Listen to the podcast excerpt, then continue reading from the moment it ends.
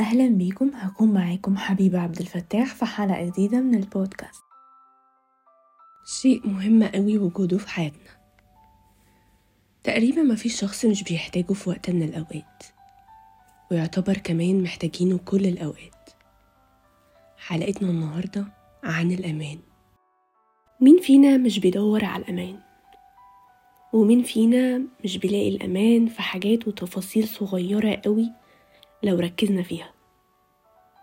لكنها بتفرق معانا في تصرفاتنا وفي حياتنا وفي الروتين بتاعنا وفي كل حاجة موجودة في حياتنا.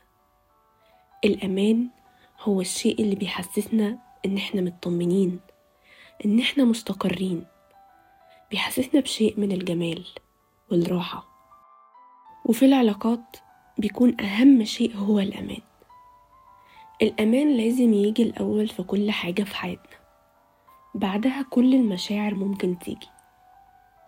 شعور الأمان يستحق إننا نبذل مجهود عشان نبحث عنه ونوصله ولو بصينا ودورنا في حياتنا هنلاقي إن السبب كل حاجة بنعيشها والسبب في فرحتنا وسعادتنا وفي كل حاجة بنمر بيها هو الأمان. كل حاجة في حياتنا بتتطلب الأمان. وكل حاجة بتتطلب إن إحنا نكون مرتاحين ومطمنين وحاسين بالأمان.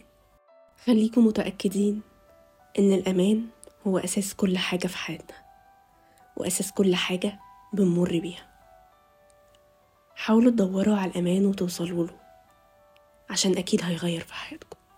أشوفكم الحلقة الجاية.